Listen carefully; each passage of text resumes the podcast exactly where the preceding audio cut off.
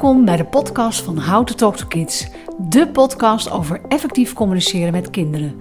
Mijn naam is Helene de Hertog en vandaag gaan we het hebben over hoe ik ben begonnen met How to Talk to Kids. Nou, hallo uh, Thomas en Helene. Leuk dat we hier even met elkaar kunnen zitten. Zouden jullie zelf even voor willen stellen? Ja, mijn naam is uh, Helene de Hertog. Ik ben moeder van vier kinderen. Thomas van 20, uh, eh, Lauren van 17, Olivier van 15 en Roemer van 11. En getrouwd met Lennart en woonachtig in Amsterdam. Ja. Uh, ik ben Thomas Hertog, zoon van Helene Hertog. En ik studeer momenteel in Amerika. Ik ben 20 jaar. Ja. En Helene, eigenlijk ben je door Thomas een beetje begonnen met How to Talk to Kids. Kan je ons iets vertellen over uh, dat proces? Zeker. Ik werd uh, getipt ooit door een boek van een trainer op mijn werk. Dat was een Engelse trainer. En die zei: Als je ooit een boek wilt lezen over opvoeden, dan heb ik een titel voor je: How to Talk So Kids Will Listen and Listen So Kids Will Talk. Nou, ik vond het fascinerend, hè? hoe luister je zodat kinderen gaan praten en hoe praat je zodat kinderen gaan luisteren. Ik heb het boek gelijk aangeschaft. Ja, Thomas was in die tijd uh, anderhalf, dus uh, die luisterde eigenlijk perfect. Dus dat boek belandde al heel snel van mijn uh, nachtkastje in de boekenkast. En daar bleef het voorlopig, ja, de komende twee, drie jaar heeft dat daar heerlijk gestaan. Totdat hij een jaar of drie was en ik mezelf elke keer hoorde. En dat kwam van, ja, dat was van, joh, luister nou eens een keer. Waarom doe je nou weer zo? Hoe vaak moet ik nou nog zeggen? Ik tel tot drie en dan hop op de trap. Dus hij zat uh, nou ja, dagelijks op de trap. Hm. Ja. Weet jij daar nog iets van? Dat je veel op de trap zat of over hoe het thuis eraan toe ging? Ja, heel vaag is toch wel dat, uh, nou ja, zeker toen ik na drie, vier, vijf was, dat het toch wel vaak tijdens de eten, dat ik daarna naar de trap werd gestuurd. en dat het, omdat het zo vaak gebeurde, een beetje elke week ook bijna, nou ja, het was toch een soort dagelijks tafereel denk ik, omdat ik ook gewoon even een moeilijk kind was nou, wel een soort van de ernst die werd een beetje weggenomen van het op de trap zitten. Hm. Oh, ja. ja. ja. Dat vind ik ook wel leuk. Want hoe voelde je dan over mij als je op de trap zat? Kan je dat, weet je dat nog? Had je zoiets, uh, ja, ik zit hier en ja, dit is wel echt. Of hoe kun je nou mm. iets? Nou, het was niet per se positieve gevoelens, denk ik. Nee, uit. Je was boos op mij? Of? Ja, denk ik wel. Ja, ja. Meer boos inderdaad op, op jou als autoriteit. Ja, mm. als de autoriteit eigenlijk. Mm. Ja, niet bezig met wat je zou kunnen doen. Ja, nee. Overdenkingen van waarom je op de trap moest zitten. Dat, uh... ja, ja, ik kan me nog herinneren een keer dat hij ook weer op de trap zat. En um, dat ik hem, ja, dat ik zoiets had van, nou prima, dan zit je daar even. En dan zat hij me gewoon uit te lachen. En ik zeg van, ik zeg, Thomas, zit jij mij nu uit te lachen? Ik zeg, ja, ga jij eens even heel gauw naar je kamer. Nou, hij naar zijn kamer. En uh, is een paar minuten later. Ik denk, nou, dan denkt hij even na hè, wat hij heeft gedaan. Dus ik loop naar boven. En toen stond hij daar het Lego uit het raam te gooien. Nou ja, op dat moment, ik had hem er wel achteraan kunnen gooien. En ik weet ook nog dat ik op dat moment ook dacht van, ja, ik moet iets. Ik heb ooit zo'n boek ge, uh, gekocht. En dat moet ik weer eens erbij gaan pakken. En dat, uh, dat ben ik gaan doen. En ben ik gaan lezen. En ja, ik vond er zaten stripjes in. En ik had echt bij de niet behulpzame manier had ik echt zoiets van, wat is hier fout aan? Hè? Dit is eigenlijk wat ik allemaal zeg. En de andere kant, ja, dat zijn zeg maar de vaardigheden. Dus heel langzaam, want het is echt in het begin ongelooflijk lastig. Het kwam bij mij echt uit mijn tenen om, om ja, dingen te gaan benoemen. En uh, ja, want daar begin je mee, hè? echt het uh, gevoelens benoemen. Want wat zijn dan problemen waar je al, stel je begint met How to Talk to Kids, wat zijn dan problemen waar je tegenaan kan lopen als ouder? Wat een hele mooie is, wat ik al zei, is dus om die gevoelens te gaan benoemen. En eh, Thomas was heel erg bang voor zwemles. En dan begon dat op dinsdag uh, zo van, ik ga niet naar zwemles. En dan moesten we pas op, zaterdag naar zwemles. Dus dan kon ik in mijn oude manier zeggen, joh weet je, het is pas dinsdag. We hoeven pas zaterdag naar de zwemles, rustig aan. En um, weet je, uh, van de zomer hoef je dan geen bandjes meer. En nou, ik had heel veel argumenten om hem maar zeg maar gerust te stellen. En de andere dagen ook kon ik zeggen van joh, als je helemaal in het zwembad ligt, dan vind je het hartstikke leuk. De juf is erbij, je hoeft helemaal niet bang voor te zijn. Nou, en op zaterdag, als we dan in die zwemzaal stonden, in die kleedkamer, nou dan moest ik hem werkelijk echt van me afduwen in die zwemzaal. En nou ja, op een gegeven moment dacht ik van ik ga het toch anders doen. Dus op dinsdag begon hij weer, ik ga niet naar zwemles. En dan zei ik, ik zei, nou je bent, je bent bang om te zwemmen. Ja. En dan had ik ook echt zoiets van, oké, en wat nu? En dan zei hij, ik ga Playmobilen. Oké, nou en dan de volgende dag en de dagen daarna. En dan op zaterdag, op dat moment dat we weer naar die zwemzaal gingen. weet ik nog, aangekleed. En hij zei, oké, ik ga. En hij liep zo die zwemzaal in. Zonder dat ik hem hoefde te duwen of, of ja, iets te doen. Ja. En dat vond ik wel een hele mooie. En het is niet zo dat het weg was. Want ja, je bleef eigenlijk altijd angst hebben voor dat zwemmen. En, ehm, maar ja, je kon er veel beter mee omgaan. Want zelfs vlak voor zijn C-diploma zei die eh, hij zei, ik wil niet naar zwemles. Ik zei nee, ik zeg ook al heb je bijna je C-diploma... nog steeds vind je het angstig. En toen zei hij ja, zei hij, maar dan zeg ik tegen mezelf... ik kan het, ik kan het, ik kan het. Nou, dat- en dat maakt... Ja, het is Ja, wel dat is even- dit. Weet, weet je het nog? Of kun je het niet meer? Nee, nee, kan nee. Maar dat is het mooie. Dat als je Dus in plaats van dat je- jij vertelde van Juist. je kan het, dat hij het zo Ja. zien. Exact, want als ik had gezegd, oh, je moet gewoon tegen jezelf zeggen, je kunt het, hè? ik kan het, ik kan het, ik kan het, had hij zoiets had gehad van, "Duh." maar doordat je gevoel wordt benoemd, Ja.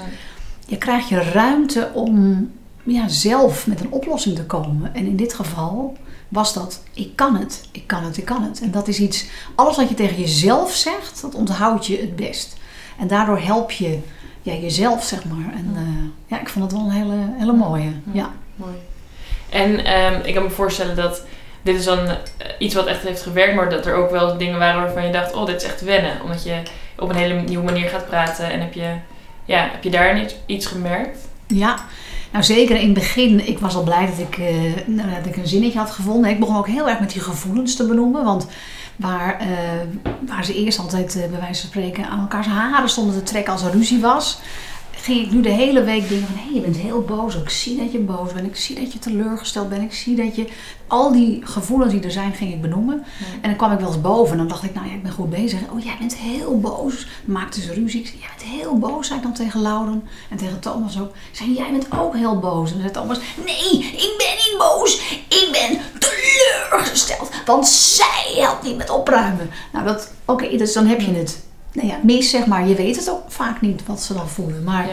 doordat het zo oprecht en authentiek dat je het gevoel benoemt, Ja. gaan ze je recht zetten. Ja. En ja, ik heb ook wel eens dingen gehad dat het helemaal niet werkte. Of dat hij zo kwaad was of boos. Of ja, dan moet je weer, hè, dan moet je het benoemen. Maar dat is misschien niet altijd voldoende. Dus ehm, ja, ik weet dat ik ook ben begonnen met, met het uiten van die gevoelens met kussens. Ik bedoel, Oh ja. ja, ik weet niet of je daar nog wat iets van kan herinneren. Dat, nou ja, het weet- slaan op kussens. Ja. Weet je daar nog iets van? In plaats van op de trap zitten, dat je dus andere Ja, manieren nee, kreeg om... Ik kan me dus heel vaagjes nog herinneren dat er inderdaad het trappen tijdperk, om het zo maar even te noemen, werd heel, heel langzaam werd dat eh, afgebouwd of eigenlijk afgesloten.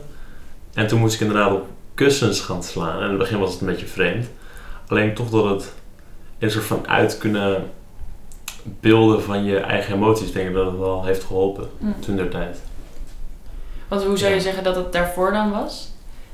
Eh, daarvoor, nou, daarvoor was het inderdaad gewoon dus, werd ik aan de trap gestuurd als ik weer eens vervelend was. Wat vaak was, Ja. op die leeftijd. Ja. Alleen dan, dan heb je toch een soort woede die uitgaat naar de, naar de autoriteit eigenlijk, dus naar mijn, mijn moeder. En je bent eigenlijk niet echt, je wordt niet, omdat het zo vaak gebeurt, ben je niet bewust van waarom eigenlijk op de trap wordt gezet. Hm. En met het, inderdaad het slaan op de kussens, toen de tijd was het een beetje een vreemd iets. Hm. En ik weet niet of ik het wel altijd deed, volgens mij denk ik niet al. Tenminste, het was wel gewoon, je zei het dan en dan, het was misschien de helft van de keer, dan was het oké, dan ga ik echt op mijn kussen slaan. Dat gebeurde soms dan ook wel. Maar dan word je inderdaad wel, kan je wel echt je, je emoties naar buiten laten komen. Hm. In plaats van dat ze naar binnen worden eigenlijk opgeslokt door de woede naar de autoriteit. Hm. Mooi. Ja.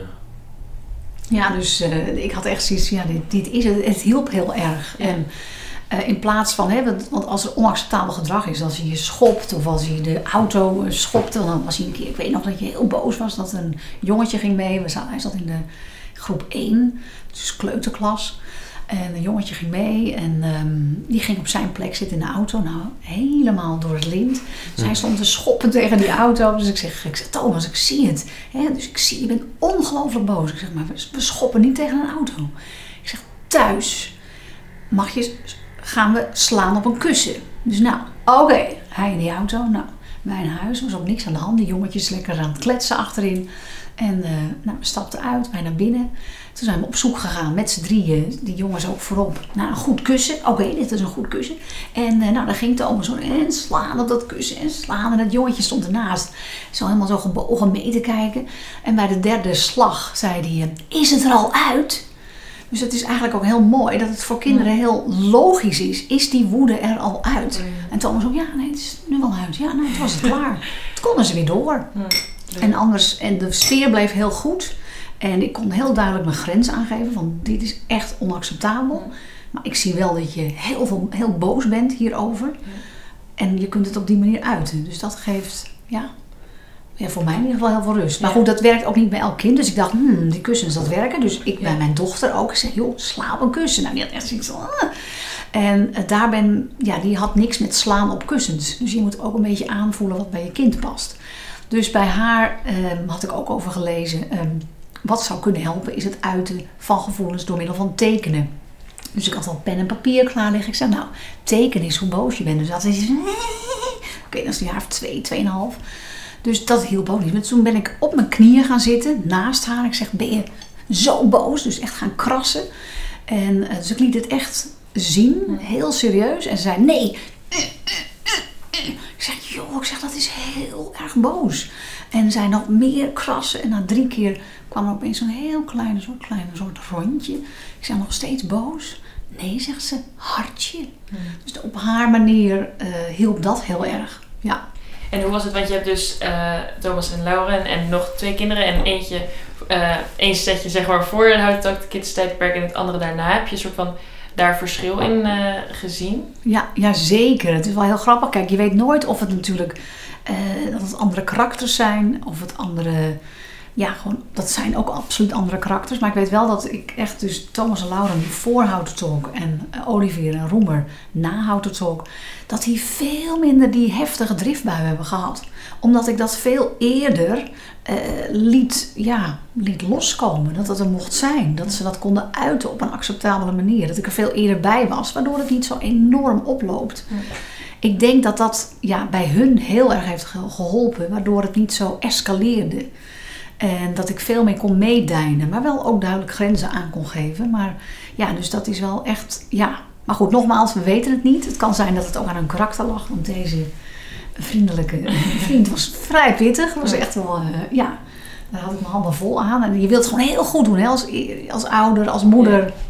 Ik geloof ook echt dat elke ouder dat, dat in zich heeft. Dat je wilt gewoon het beste voor je kind en dan lukt het gewoon niet. Ik had echt zoiets, weet je, hoe kan dit? We zaten best wel echt in een negatieve spiraal. Ja, het is gewoon echt, eh, omdat hij dat zei, ging ik dat weer doen. Dus ik had echt zoiets, het ligt aan jou.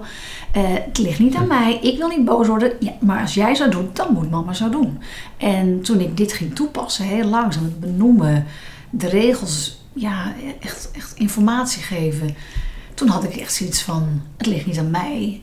Het ligt, het ligt niet aan hem, het ligt aan mij. Ja. Ik kan hier het verschil maken. Ja. Ja. En dat, eh, ja, dat vond ik echt eh, een eye-opener. Ja. En dat was een beetje dus de, de kindertijd. En nu ben jij al eh, volwassen. tegen- Maar hoe was het in de tienertijd? Want dat is ook weer een hele nieuwe fase waar je dan in gaat. Hoe heb je daar de Houten Talk Kids methode kunnen merken? Heb jij daar iets van gemerkt? Hoe, ze, hoe je moeder daarmee omging?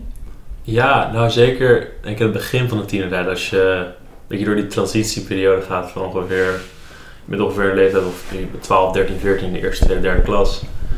Eh als ik de eerste, tweede klas, denk ik dat je, word je, wil je eigenlijk ehm, een stuk zelfstandiger worden. Je wordt ook een stuk zelfstandiger en je bent een stuk meer bezig met je eigen dingen. En ik kan me nog wel herinneren dat in het begin mijn moeder zich nog, nog veel bemoeide eigenlijk met mijn zaken. Ook bijvoorbeeld in de auto, we waren kwamen bijvoorbeeld mij terug vanuit van een, van een hockeywedstrijd of zo, zoiets. Ik was een jaar of 12, 13. Ging mijn moeder zich meteen een soort van... eh nou ja, zo eigenlijk toch wel meteen bemoeien met waar wij het over hadden. En tenminste, dat heb je later ook nog, tenminste een paar jaar geleden verteld. Dat je dus inderdaad, je probeerde je met te bemoeien. Alleen dan was ik ook van, was ik nogal opstandig. En ik zei van, nee, laat me met rust, laat me met rust. Dus dat vind ik wel een interessant iets. En dus inderdaad dus, ja, die transitieperiode, maar die is moeilijk aan, die valt denk ik moeilijk aan te voelen als ouder ook. Omdat het denk ik verschilt van kind per kind. Ja. En voor mij denk ik toch dat ik wel vrij vroeg al, tenminste die tienerfase inging. Dat ik al vrij vroeg onafhankelijkheid opzocht. En hoe was dat dan voor jou, Helene? Hoe ging je Ja, absoluut. om? Ik vond het eh, zeker, ook met de oudste ga je weer voor het eerst door een tienertijd. En Ja, ik ben best wel een controlfreak. Dus eh, moeder zat er bovenop eh, op het gebied van huiswerk en planning en dat soort dingen. Dus dat moet je eerst leren loslaten. Nou, dat pakte weer heel goed op, dus dat ging heel goed. Maar het voorbeeld wat je nu net aanhaalde, ja, ja, je bent gewoon gewend om altijd in die auto, weet je, dan moet je ze ophalen en alles. Dan entertainde ik de hele boel. Leuk, hè, de leuke moeder. En eh, op een gegeven moment wordt dat gewoon echt niet meer gewaardeerd. En dan zei Thomas ook echt, kon hij dat een beetje zo geïrriteerd eh, zeggen met die jongens erbij. Dan dacht ik ook, oké. Okay. Zei hij, nou mama, zet het voortaan. Moet je gewoon even, moet je gewoon zwijgen. Denk, oh ja, oké. Dus ja, inderdaad, je bent een soort vlieg aan de wand. En um, het, het, leuke vind ik ook wel weer met die tieners, dat je ook al zegt, je zegt dus niks. Dat voelt een beetje awkward in het begin. Maar is ook bijzonder, want ze zeggen alles. Het is echt dat je denkt, hallo, ik zit hier nog bij. Dat maakt helemaal niet uit, daarom zijn ze ook weer zo jong. Ja. Maar dat je echt even een andere rol krijg je. En dat is, ja, ik, wij zeggen altijd, je bent eigenlijk heel lang de piloot geweest van het vliegtuig van je kind. En als je kind tiener wordt, dan, um, ja, als jij dan nog steeds die piloot blijft, je moet een andere rol aannemen. Je moet eigenlijk de co-piloot worden. Dus je moet zeg maar naast je kind gaan zitten. Want als je dat niet goed doet, zeg maar, als je te veel die pilootfunctie uh, oppakt, dan word je eruit gekikt door je tiener. En ja, dat wil je natuurlijk niet. Je wil gewoon een goede co-piloot zijn. En dat is iets wat je ook weer moet leren. En de vaardigheden helpen daar enorm bij.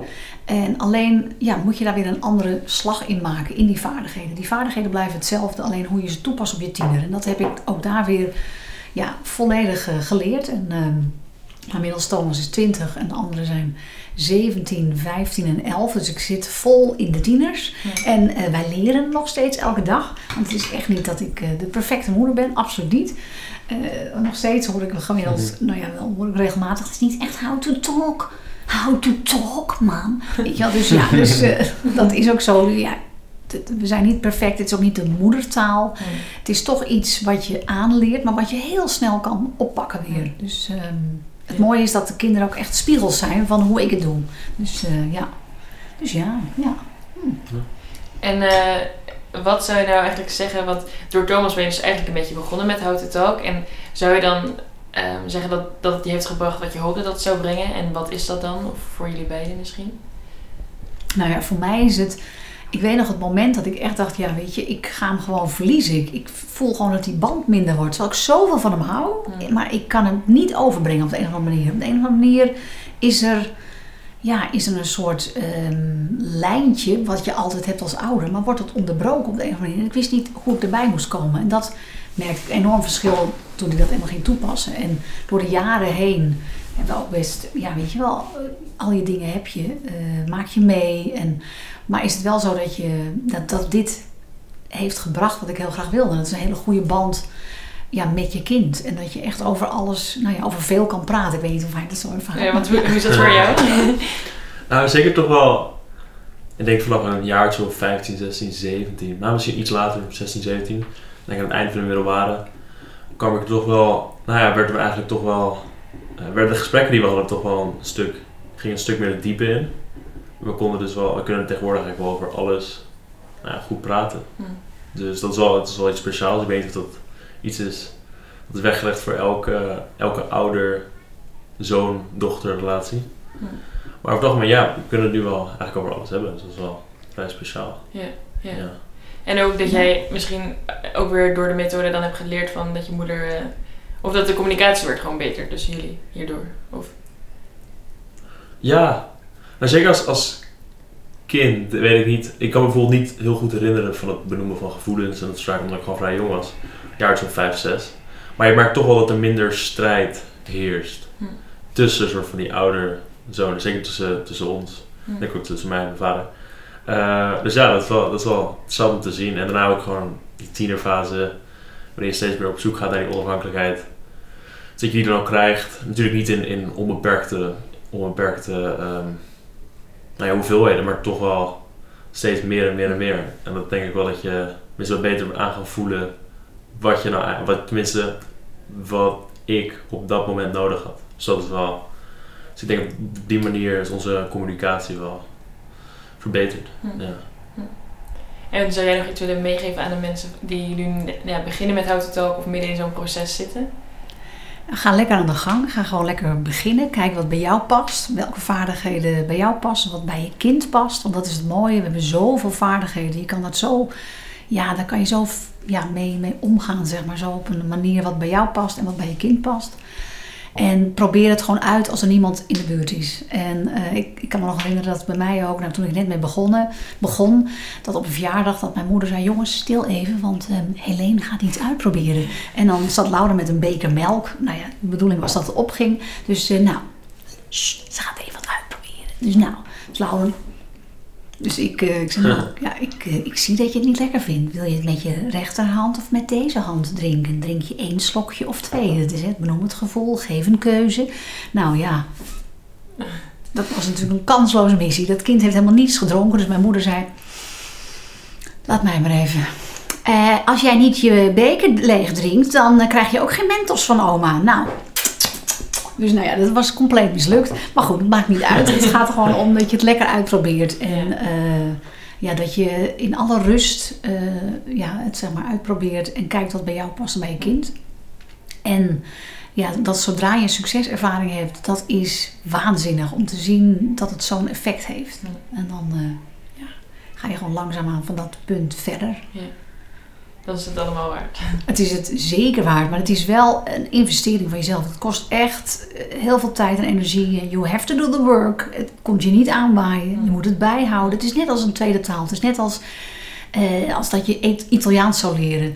Dan ja, moet je ook heel veel oefenen. En dat is in het begin ook een beetje gebrekkig. En het voelt niet natuurlijk. En je kan nog geen grap maken. En, ja. Nou, dat is een beetje hetzelfde als dit. En uh, het blijft altijd je tweede taal, maar op een gegeven moment wordt het wel iets natuurlijks wat je meteen op kan pakken. Dus uh, ja. Oké, okay. nou dank jullie wel voor, uh, de, voor het gesprek. Bedankt voor het luisteren naar de podcast van How to Talk to Kids.